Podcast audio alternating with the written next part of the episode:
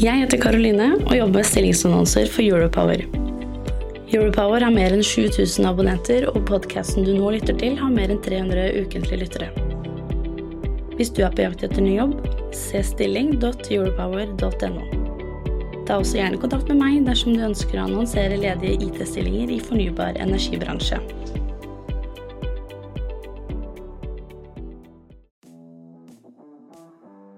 Pia, visste du at Europower nå har rundt 20 partnere som gjennom hele året publiserer annonsørinnhold på våre digitale flater? Ja, det visste jeg. Skal vi fortelle hvem? Vi kan jo nevne ABB, Segal, Embrick, Itera, Raven, Tampnet og Safebase. Men kan vi ikke også nevne da NTNU Energi, Hafslund Oslo Celsio og Energi, Fornybar Norge, Skagerrak Energi og Eveny? Ja, så er det jo mange flere også, eh, men dette var nok reklame. Du kan bli mer kjent med våre partnere på partner.europower.no. Sånn. Da går vi i gang med podkasten. Gjør vi det? Jo, helt enig. Du lytter til Teknologioptimistene fra Europower Partner. Redaksjonen i Europower har ikke medvirka i denne produksjonen. Hei, og velkommen til Teknologioptimistene, en podkast for IT-beslutningstakere i fornybar energibransje. Jeg heter Pia Kresensen Moe og jobber i Europower. Og jeg heter Skjul Kristian Aamodt. Jeg jobber også i Europower.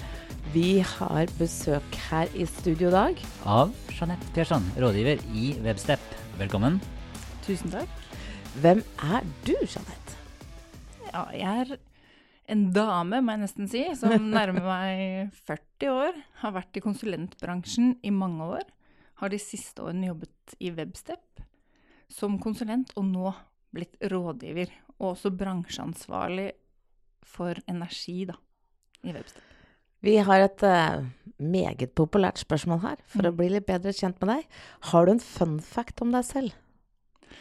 Ja, for tre år siden så kastet jeg meg på et fly til India og deltok på et fem dagers sertifiseringskurs innenfor eh, latteryoga. Eh, Hva, hva, Den var Ok, den så jeg ikke komme. Uh, ja, så du er sertifisert. Ja, sertifisert latteryogalærer. Har du det på LinkedIn-profilen din, eller? Det hadde jeg gjort. Hva er det du, hva er det du lærer da? Altså, å le deg glad? Eller altså jeg- Prinsippet med latteryoga er at hjernen ikke forstår forskjellen på ekte og falsk latter. Så, så lenge du gjør latterøvelser, så produserer hjernen de samme gode hormonene, lykkehormonene, som hvis du hadde ledd på ordentlig. Er det derfor jeg går rundt og er så lykkelig og fornøyd hele tiden? Altså, Skjul, da vet du det. Mhm. Ok? Skal vi det var litt vanskelig å bare komme seg tilbake til faget. Men ok. Eh, fra latteryoga til webstep. Mhm. Hva er eh, webstep? Webstep er et eh, eksperthus som eh, stiller opp med konsulenter for, eh, for både private og offentlige aktører. Så det, så det betyr at det er mennesker dere selger, selger og ikke mennesker. produkter? Yes, vi Ja. selger mennesker og ekspertise innenfor innen utvikling, Power BI, arkitektur, prosjekt- og testledelse, blant annet. Hvordan er eierstrukturen i webstep? Hvem er det som eier dere? Vi er et børsnotert eh, selskap, så vi har flere ansatte som har eh, aksjer hos oss. Og så kan vi kjøpe hvis vi har troen på det, liksom. Det kan du. Få se da hvor mye du ler gjennom yes. Hvis du skal spesifisere, når du har sagt et par oppgaver du har, liksom, og hva du har ansvar for, men hvis du skal spesifisere oppgavene dine i Webstep, og hva er det du blir målt på? Hva er det du må få til i energi Ja. for å lykkes? Jeg blir målt på i hovedsak to ting. Det er eh, konsulenttilfredshet. Vi er opptatt av at konsulentene våre skal ha det bra. Og så er det også kundetilfredshet. At kundene er fornøyd med de konsulentene og den ekspertisen som vi tilbyr. Har de et form for skjema der de rangerer dem? Eller er, er kundetilfredshet det at de gjør gjenkjøp? Eller betaler regningen sin? Ja, du kan si betaler regningen sin og gjør gjenkjøp, det vil jeg si. Mm. Eh, Det er jo ingen hemmelighet at eh, teknologibransjen har en lav andel med kvinner. Mm. Eh, Jeg tror det ligger sånn på totalt eh, 28% Hvordan jobber dere med kvinneandelen? I Webstep nå så har vi et strategisk strategisk initiativ som går på flere kvinner i Webstep. Og altså, fra mitt hjerte, da, så er jeg superopptatt av mangfold. Og jeg har også vært eh, med i frivillige organisasjoner, bl.a. ODA, med fokus på kvinner i IT. Og jeg syns jo dette her er så utrolig viktig. Fordi veldig ofte så ser vi at det er mye kvinner i typisk HR-salgsroller, Mm. og så mangler vi kvinnene nede på tech, hardcore tech. Og det ønsker vi å få mer av. Utfordringen er vel egentlig at uh, det er for få kvinner som søker deg i studier som kvalifiserer for å få seg en jobb i- i IT-tech. Uh, hvordan kan man jobbe med det? Vi har flere konsulenter som har engasjert seg i frivillige initiativer, bl.a. Lær kids av koding og Jenter og tech, hvor vi fokuserer på å vise jenter hvor gøy det er med programmering, og hvilke muligheter som finnes der. Og funker det? Er, er jentene interessert? Er det, De ikke bare, det er ikke bare Barbie? Det er ikke bare Barbie. Og de som kommer, de er jo superinteressert, og vi får kjempegode tilbakemeldinger på det. Hvor gamle Eller hvor unge kan de være før de kan begynne å lære seg å kode? Disse kidsa. Ja, Fokusgruppen for Lær kidsa koding er de som er i starten av tenårene, altså 10 til 14. Men er det sånn at Webstep kommer til å snart være Webstep School for eh, barn og, barn og unge? Webstep Kids. Web, Websteps Kids, ja. Webstep Kids. Uh, I Webstep sin egen pod, uh, podkast så snakker du om psykologisk trygghet. Hva er det? Det er at jeg føler meg komfortabel i relasjon sammen med dere her og nå. Gjør du til å kunne snakke rett fra hjertet mitt. Tusen takk. Mm. Ja, gjør det det? Akkurat nå? Ja. Ja.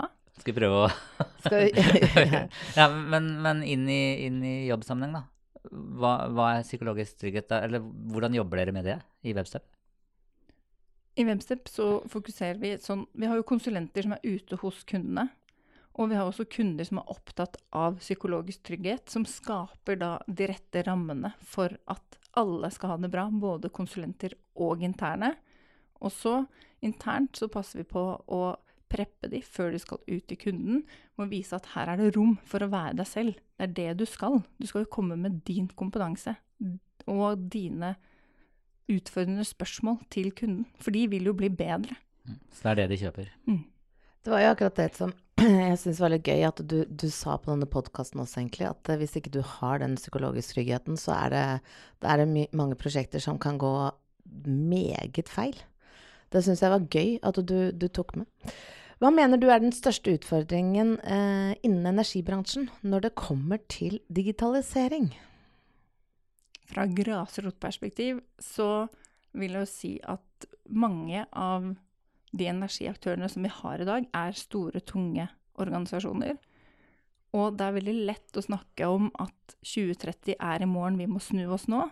Og så er jo dette en kjempeendringsreise for disse organisasjonene.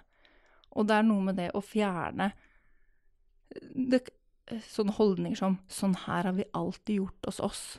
For det dreper jo innovasjon. Så det er jo det å klare å legge til rette for innovasjon, og skape de dynamikkene mellom de personene som er der, for å finne de beste løsningene. Og, sånn her har vi alltid gjort uh, før. Uh, I fjor så samla vi rundt 215 deltakere på det vi kaller energibransjens IT-konferanse.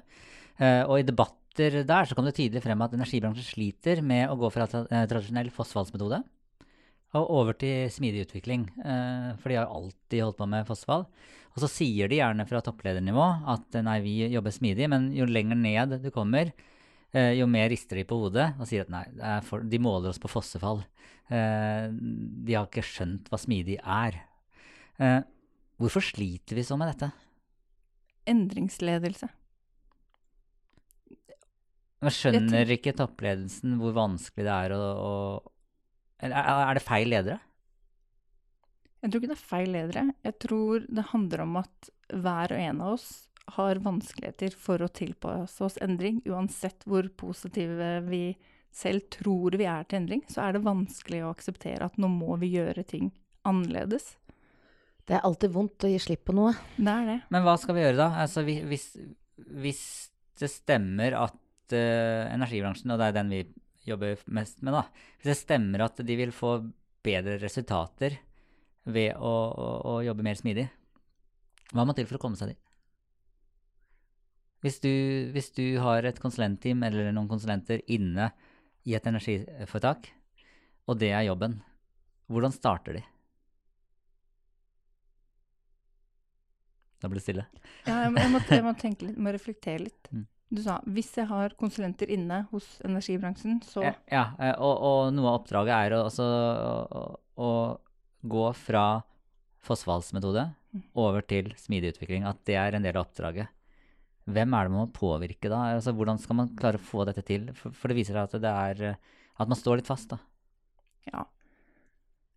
Jeg opplever at ofte så kommer det nye teorier og nye praksiser og nye buzzord ute i samfunnet. Mm. Som organisasjoner, uavhengig av bransje, er veldig raske å ta til seg og bruke internt. Og så tar Ja. Er utfordringen at organisasjonene tar kanskje ikke inn over seg hva er det som faktisk kreves av vår organisasjon for å klare å jobbe og utnytte de nye metodikkene mest mulig. Så igjen, altså påvirkningen må være på ledernivå, det må komme derfra, og så er det da endringsledelsen i tillegg.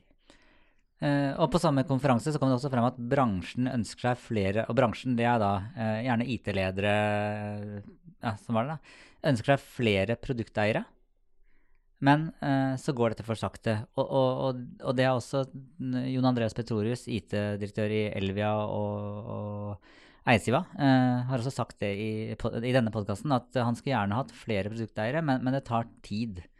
Hvorfor kan man ikke bare skru på en bryter og si at eh, vi går vekk fra disse prosjektlederne over på produkteiere? Tankegangen. Sånn har vi gjort det alltid. Og så må du finne de rette menneskene.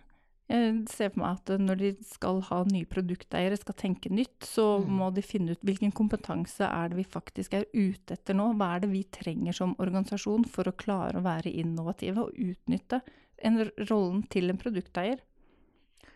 Så vi må rett og slett få vekk bakspeilet. Nå i februar kom Webstep-tallene for fjerde kvartal. Eh, driftsinntektene endte eh, opp 14,6% sammenlignet med året før. Hva har dere gjort annerledes i 2022 enn året før for å få et slikt resultat? Større satsing på flere kunder, og vi har rekruttert flere, så vi har hatt mer kompetanse å selge ut. Så det betyr at markedet har vært bra. Markedet har vært bra. Er Webstep en utbytteaksje? Altså får man utbytte når det går bra? ja, det stemmer. Eh, Hva er strategien eh, fremover? Eh, Hva er den store masterplanen til vekst?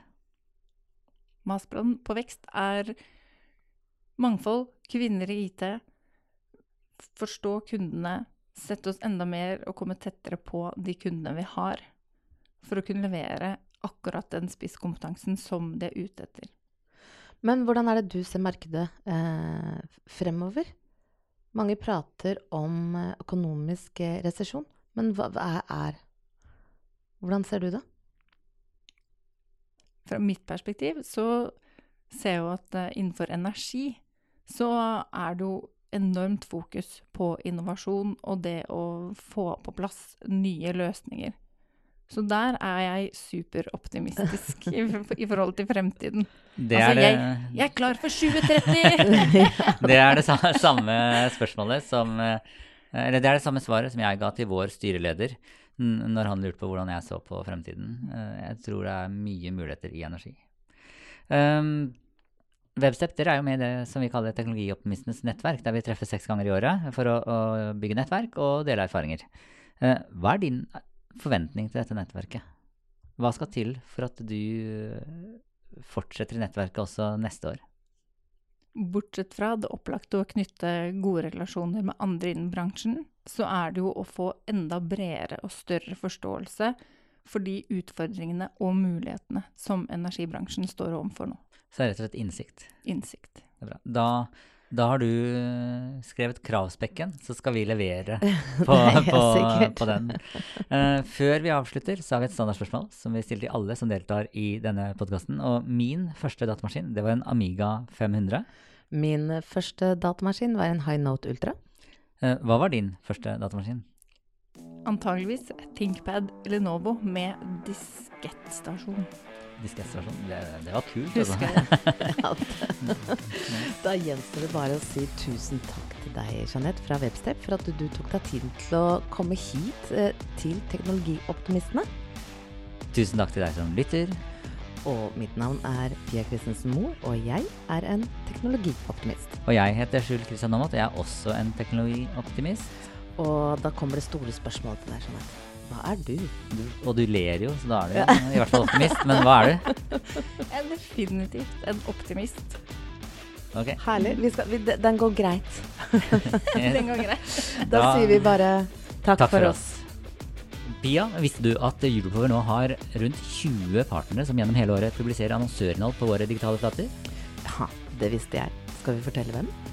Vi kan jo nevne ABB, Segal, Embrick, Itera, Raven, Tampnet og Safebase. Men kan vi ikke også nevne da NTNU eh, Energi, Hafslund Oslo Celsio og Energi, Fornybar Norge, Skagerrak Energi og Eveny? Ja, så er det jo mange flere også, eh, men dette var nok reklame. Du kan bli mer kjent med våre partnere på partner.europower.no. Jeg heter Karoline og jobber med stillingsannonser for Europower. Europower har mer enn 7000 abonnenter, og podkasten du nå lytter til, har mer enn 300 ukentlige lyttere. Hvis du er på jakt etter ny jobb, se stilling.europower.no. Ta også gjerne kontakt med meg dersom du ønsker å annonsere ledige IT-stillinger i fornybar energibransje.